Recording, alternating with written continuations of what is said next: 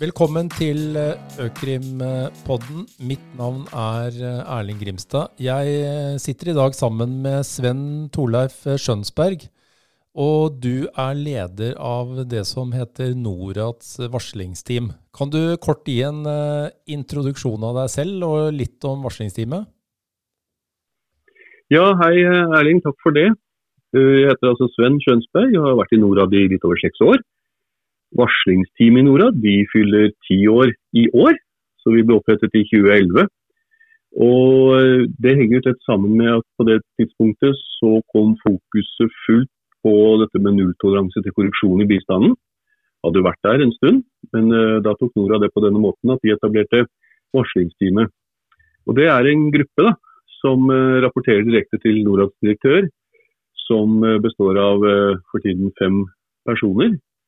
Og eh, vi eh, har som mandat å bidra med kollegaene våre i forvaltningen til at norsk bistand blir bedre. Den var veldig generell, var den ikke det? Ja, men det, det er veldig hyggelig, det. Eh, dere har jo viss kontakt mm. med Utenriksdepartementet og Sentral kontrollenhet. og det tipper jeg at noen av de som lytter på dette fra bistandssektoren, de lurer kanskje på liksom, hvor er grenseoppgangen eller grenseflatene mellom Norad og sentral kontrollenhet i akkurat disse spørsmålene? Ja, veldig bra. Jo, det er jo sånn at uh, norsk uh, bistand, utviklingshjelp, har ulike forvaltere. ikke sant? Og uh, Norad forvalter ca. 50% av utviklingshjelpen. Vi hadde vel rundt 19 milliarder kroner i 2020 som vi forvaltet. Og Da er det slik at uh, Norad må følge opp midlene som vi har, og Utenriksdepartementet følger opp sine midler, ikke sant? Uh, som også da ambassadene har. Og varslingsteamet, vi jeg kommer litt tilbake snart til mandatet vårt, det er noe mer spisset enn bare å bidra til god bistand. altså. Uh, vi følger jo da opp forhold som vedrører Norads portefølje.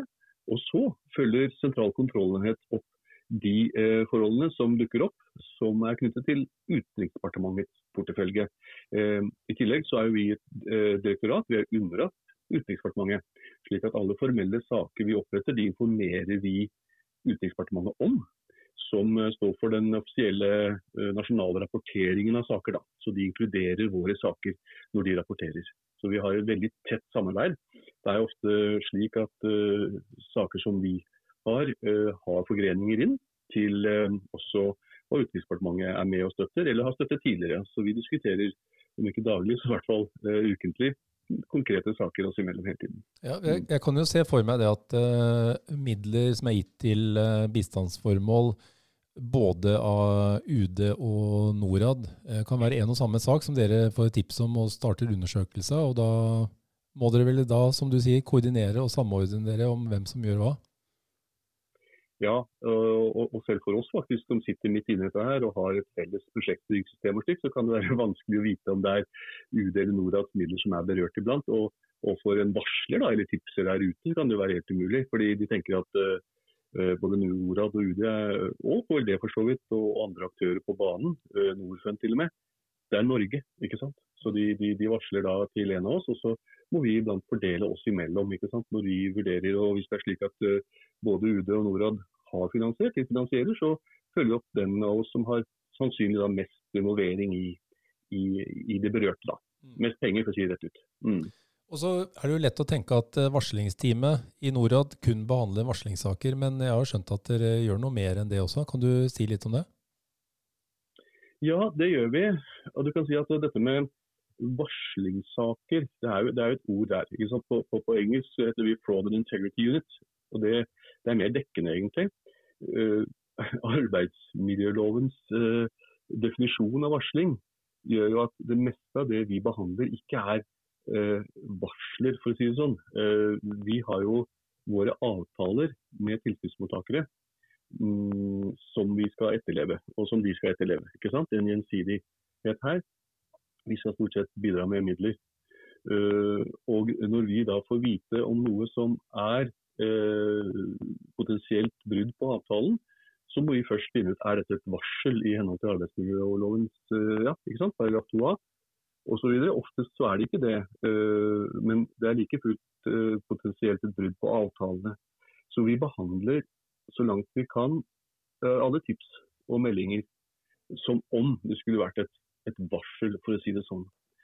Og eh, mandatet vårt, da, for å si det sånn, i tillegg til altså, generelt bidra til bedret forvaltning sammen med kollegaene på alle nivåer i, i organisasjonen, det er jo å bidra til forebygging altså, av uh, misligheter. Misligheter ikke sant, som er mye bredere enn dette med korrupsjon. Det brukes jo litt om hverandre, men, men altså, misligheter, alt som da kan gå på en uh, intendert eller ønsket uh, avtalemislighold, uh, både når det gjelder da, økonomiske misligheter, men også seksuell trakassering og overgrep, mistanker om det. Disse meldingene får vi inn til oss, og så gjør vi noe med det. Det skal jeg fortelle litt mer om. da, fordi Det er en ganske sånn stor prosess, og det vil avhenge litt av hvordan altså hvem som varsler. Iblant får det fra eksterne, helt uh, på en måte uvedkommende saken som sådan. Andre ganger er det kontraktsmessig uh, hjemlet plikt som gjør at vi får det inn. Og Det vil ofte ha litt ulike konsekvenser for oppfølgingen. da. Og Så er vi veldig tett dialog med kollegaene våre i Norad. Selvfølgelig, altså Konfidensialitet, taushetsforpliktelser uh, og slik kommer tilbake til den hele varslingen. da det er veldig tett. så ikke, Vi deler jo ikke alt i det hele tatt, men, men, vi prøver å ha en konstruktiv dialog, sånn at man da mot enden av denne saken vi har, uh, får tettet avvikene og får forbedret rutinene. Mm. Og så er det vel sånn at uh, de bistandsorganisasjonene som mottar støtte både fra UD og fra Norad, de har et krav på seg til å selvrapportere om regelbrudd og kritikkverdige forhold. Altså mye av det du allerede har nevnt. Så eh, jeg vil gå ut ifra at dere får også en del meldinger direkte fra bistandsorganisasjoner som selvrapporterer? Absolutt. Det er eh, de vi får mest meldinger fra. Det er det altså. Av de 120 åpne sakene vi har per, per i dag, da, 19. mai, så, eh, så, er det faktisk 85 eh, som har kommet på en eller annen måte fra en tilskuddsmottaker av Norad. Så der er jo ansvarligheten stor. De er pålagt å varsle umiddelbart. De. Eh, ved mistanke om, eh, om misligheter. Så, og Da er mottoet vårt i den sammenhengen heller en gang for mye enn en gang for lite kontakt. Og Det må de jo liksom gjøre for å innfri avtalens krav. da. Så Jeg kan godt fortelle litt hva vi gjør når vi får den type meldinger fra en, fra en tilsynsmottaker. Om det er en norsk eller en utenlandsk, spiller ingen rolle. Nå har vi ingen forskjell. Vi har jo forskjellige avtaler, det må jo sies. Så vi etterlever jo og følger den spesifikke avtalen som er berørt. Men skal jeg fortelle litt om det, hva vi gjør da? Eh, ja, kom igjen, gjør gjerne det. Jeg ser jo for meg at dette er en ganske spennende jobb dere har. Altså, dere sitter jo i et uh, slags mottakssystem hvor det kan komme meldinger på, fra alle verdens hjørner, og særlig utviklingsland, selvfølgelig, og der hvor bistandsorganisasjoner opererer. Og Det kan jo komme inn på mange språk. Og være mange utfordringer knyttet til det. Så fortell oss gjerne litt om uh, hva skjer, altså hvor, uh, hvordan håndterer dere språkutfordringer? hvordan håndterer dere alle disse utfordringene, og hva, hva skjer i en sånn typisk varslingsprosess? Det er riktig det. Det, det er mye som altså Det er stort mangfold der ute. Nå er det sånn at De fleste sakene vi får, får vi da fra våre tilsynstakere, så de kommer på engelsk faktisk, eller, eller norsk. Så, så, det er ikke den største utfordringen. Men det er jo en gang sånn da, de som håndterer varsel, vi får i snitt sånn mellom halvannen til to i uken. Så, ehm, så, er det jo vanskelig å avdekke eller finne ut av omfanget her. ikke sant? Og i de senere årene så har det vært en ganske bra vekst i, i, hos kompetansen, i kompetansen hos tilsynstakere som Norad har, til å vurdere en del av dette her selv de fryser jo ofte selv nå med en gang. altså De stopper utbetalinger ikke sant, for å innlede en undersøkelse. Men da må de også informere oss. Og Så går vi i dialog med dem. da, Og så uh, vurderer vi uh, sakens uh, alvor. Er det, er det, politisk sensitivt? Er det personsensitivt? Altså, er det mistanker for, eller mulighet for at noen faktisk kan eh, få problemer som følge av at denne saken rulles opp. ikke sant? Så Du må legge et løp som tar hensyn til personvern og sikkerhet og, og den type ting. Men det vi gjør, er ofte å prøve å spille ball eh, sammen med våre avtalepartnere for på en måte å spille dem enda litt bedre. altså, de sitter jo ikke på fasiten her, men vi har jo behandlet noen hundre saker. Sånn at uh, ifølge avtalen så er det Norads avtalepartner som skal utrede forholdet. Og det gjør de i økende grad ganske bra. Uh, det er ikke alltid de gjør det selv. Det hender at vi uh, gransker. Altså at vi tar, tar, undersøkelsene av forskjellige grunner. Men vi stort sett alltid kommenterer på deres strategi. da. Hva tenker de å gjøre? En utfordring her, for å si litt om det, er ofte at man, ikke helt vet hvor problemet stopper og begynner. Sånn at det å ha en dialog med andre givere f.eks. er ganske delikat. Det tar mye tid. Veldig mye eh, ressurser å få andre på banen. Naturlig nok, for man har mer nok å holde på med selv. Og så er det igjen dette med konfidensialitetshensynet. Altså hva, hva, må man dele, eh, hva kan man dele. Så det, det, er sånn, det, er spennende, som du sier. Det er også ganske, ganske delikat. Må, vi er alltid to stykker på, sånn, på en sak og uh, diskuterer en del. Fordi her skal man ikke tråkke feil, og det er alltid uh, Ingen saker like. Mm. mm. Men, men, da skjønner jeg at dere sitter jo mer da i en sånn kvalitetssikringsrolle, hvis dere selv ikke da undersøker eller gransker saken, som du sier. Eh, så sitter dere i en sånn kvalitetssikringsrolle og passer på at bistandsorganisasjonen gjør de undersøkelsene som dere forventer at de gjør. og Får dere løpende rapportering f.eks., eller sitter dere og venter på en eh, sluttrapport fra bistandsorganisasjonen?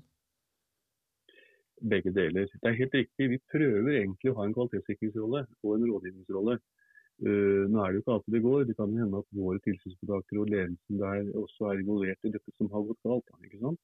Mm. Og da, da, engasjerer vi enten firmaer selv, uh, som varslingsteamet og Nora da gjør, for å såkalte spesialrevisjoner eller forensic, eller vi gransker selv. Vi får inn uh, førstehåndsdata, for å si sånn, eller også reiser ut og, og ser. Men i langt fleste sakene så har vi som du sier, veldig treffende en slags kvalitetssikringsfunksjon, hvor vi påser på en måte at her har man gjort det riktige. Man tråkker ikke i spagaten, i salaten heter det vel, og man, eh, man, rapporterer til oss veldig ulikt, avhengig av hva vi krever, avhengig av hva saken, eh, hvordan den er. Noen saker, eh, jeg skal ikke nevne en enkeltsak i denne sendingen her, men det er klart at noen saker er brennbare i avisen hele tiden, og i mediene for øvrig. Og, og sånn, og Det er viktig at man uh, også pleier det godt. Mm. Noen saker er ekstremt komplekse i sin natur. Da kan vi be om å få hyppig rapportering. Andre ganger så ser vi ikke mer til den etter at vi har godkjent et, eh, et mandat for en spesialrevisjon.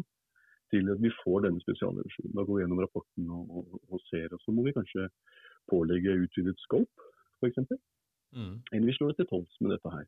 Og eh, Vi ser jo det er veldig ulik kvalitet, selvfølgelig. For det er mye man som bistandsaktør skal kunne. Og en del av de eh, en del organisasjoner, særlig da, eh, som vi setter tett på, de i Norge de, de, de, har jo ikke vært veldig proffe på dette her, men det har endret seg. Man har fått mer volum, man har fått mer erfaringer. Så nå er det ikke uvanlig at en ja, mellomstor norsk bistandsorganisasjon har en to, tre, fire saker i året Uh, som de håndterer da ganske bra, rett og slett. Så, så vår rolle blir mer konstruktiv. Øh, og øh, vi kan jobbe da selv for å undersøke større forhold og Eh, jobbe mer opp mot våre kollegaer når det gjelder generelt sånn risikovurdering og den type ting. Mm. Mm. Jeg, eh, eh, jeg, bare som et, et sånn type eksempel på hva som kan skje, som jeg forestiller meg i hvert fall kan skje. La oss si at den norske bistandsorganisasjonen har en lokal partner i et utviklingsland. Og bistand gis da til denne lokale partneren som skal gjennomføre et bestemt prosjekt der ute i felten på, på bakken.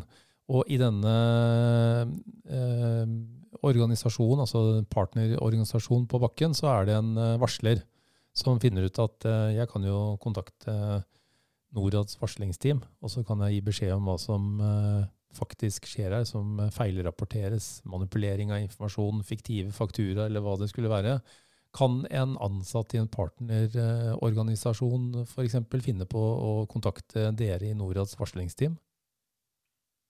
Ja, og det, det, gjøres.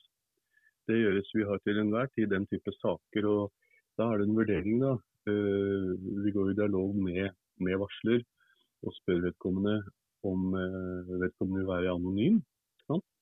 Uh, oftest så vil han det. Oftest så har han Jeg sier han, jeg. Ja, ikke sant? Vi bare tar et kjønn her. Um, oftest så har han ikke tillit til uh, systemet rundt seg, og mest sannsynlig med svært god uh, grunn.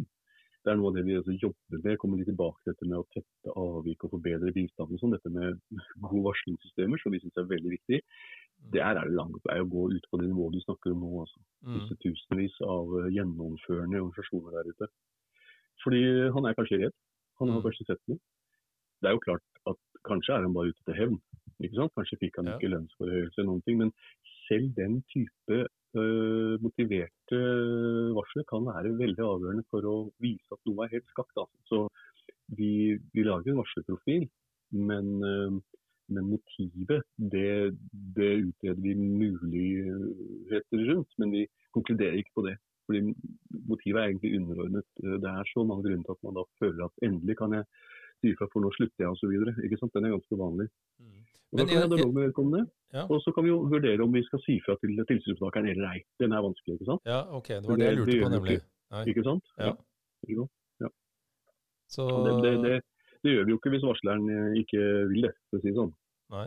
Ikke sant? Det kan jo være da at varsleren kjenner en i i en regional organisasjon eller i moderorganisasjonen og sier at jo, eh, herr Smith han er ærlig, snakk med han om det f.eks. Det er heller ikke uvanlig at vi får sånne type hjelp av, av varsleren. ikke sant? Mm. Uh, så da Vi informerer jo varslere tidligere at vi har ikke noe plikt til å følge opp. altså Som offentlig institusjon så har vi ikke plikt til å følge opp varsler og tips med mindre de er en del av um, arbeidsmiljølovens krav, men vi gjør det jo likevel. ikke sant? Mm. Vi, dette er viktig å komme til bunns i. Og Så forteller vi han at vi holder han ikke løpende orientert, men vi ber han om å komme med den informasjonen han har til oss skriftlig. Og Dette kan ta veldig mye tid, altså, for da må mm. vi nå sitte nå med et par saker hvor vi ikke kan fortelle tilsynsmottakerne om at det er innvarslede forhold. Ja. Så vi lager på en måte parallelle løp rundt for å avdekke hva som ligger her er det bare vås, dette varselet, eller har det noe ved seg? ikke sant? Og Det er ganske kostnadskrevende å, å, ta et varsel eh, seriøst på den måten der. Så Det gjelder på en måte å bli fort kvitt det hvis det er, eh, hvis det er uh, urettmessig. Men for all del, ikke bli kvitt det for fort hvis det forteller om noe viktig. Mm. Men med det du sier, så skjønner jeg også at uh, dette med selvrapportering har jo en funksjon. fordi det kan jo hende at dere i Norad faktisk vet om forholdet lenge før dere informerer tilskuddsmottaker, altså den bistandsorganisasjonen som har mottatt midler fra dere. Så hvis de eh, holder kjeft og burde si, vite om det og si fra til dere og ikke gjør det, og dere sitter med denne type innsideinformasjon, så kan jo det være litt problematisk for bistandsorganisasjoner. Kan du kanskje si litt om hva er, er det noe ris bak speilet her for de som ikke selvrapporterer som de skal? Ja, det er jo et avtalebrudd. Det får alltid konsekvenser, det altså. Eh, men så er det gråsoner, ikke sant. Eh, vi har hatt noen saker nå også ganske nylig hvor, hvor f.eks. Eh, ansatte kan være berørt da, hos en lokal organisasjon og slik. Og at da moderorganisasjonen ønsker å bruke noen timer og dager på å finne ut av hva som egentlig har skjedd, før de varsler oss. Det kan man ha forståelse for. Så her har vi en dialog ofte, men, men det står noe umiddelbare uh, varsling til hvordan det skal skje. ikke sant? Mm. Umiddelbar, det er, det er umiddelbart.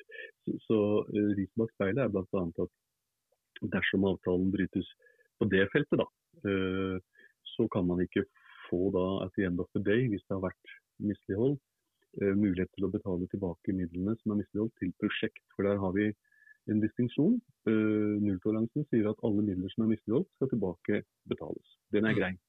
Der er Den står fast. Men de siste par årene så har det vært mulig å kunne uh, betale tilbake til samme prosjektet som vi har inngått avtale om å finansiere, dersom det ikke har vært avtalebrudd mellom Norad og partneren. Og Det er ganske ofte det skjer. Så klart, Da må du varsle tidlig, ellers har du faktisk brutt avtalen. Så Det er et, et sånt ris, Erling.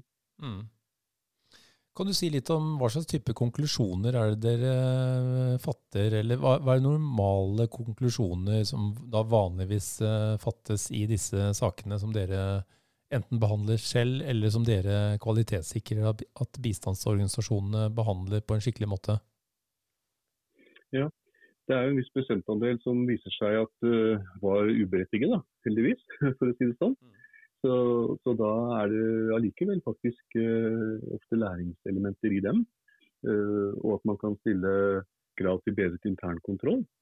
Fordi at Et av disse risene bak speilene det du nevnte da, er jo at man må ha en faktisk en akseptabel internkontroll. Hvis ikke du har hatt det, ja, da, da, vil det bli reaksjoner. og De vanligste reaksjonene da er jo at man uh, må betale tilbake det beløpet som er identifisert som misligholdt. Det skal tilbake som sagt, enten til staten, eller hvis da tilsynsverket selv har gjort det de har kunnet og ikke har brutt avtalen, tilbake til prosjektet.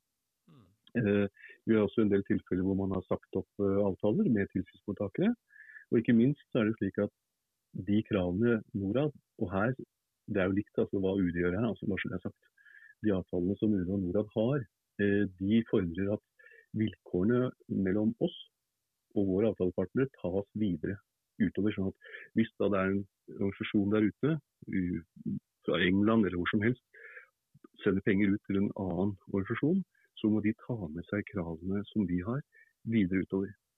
Sånn at uh, Det er ikke uvanlig at da uh, den som er partneren til Norad, krever f.eks. politianmeldelse uh, der ute, krever at noen må gå, oppsigelser, den type ting. Vi kan også kreve politianmeldelse, vi krever vurdering av det i ethvert tilfelle hvor det foreligger mistanke om, altså, om lovbrudd. Mm.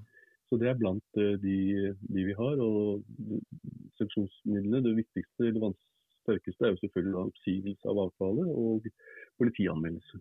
Mm. Kan du si litt uh, til slutt om uh, lessons learned? Hva, hva, kan, hva, kan, du liksom trekke fram som er noen hovedpunkter som du uh, anser som lære, læringspunkter etter din uh, innsikt og din erfaring i Norads varslingsteam? Ja, ja, du hadde jo uh, sagt at vi kanskje skulle snakke mer om dette med varsling og varslingsinstituttet og sånn, så jeg kan nevne det aller først, kanskje. At det, der er det lang vei å gå, rett og slett. Altså, det å, å, ha trygge kanaler utover i systemet for at eh, man skal kunne varsle. Det, det er et uh, felt som det har vært nedlagt altfor lite arbeid i, dessverre.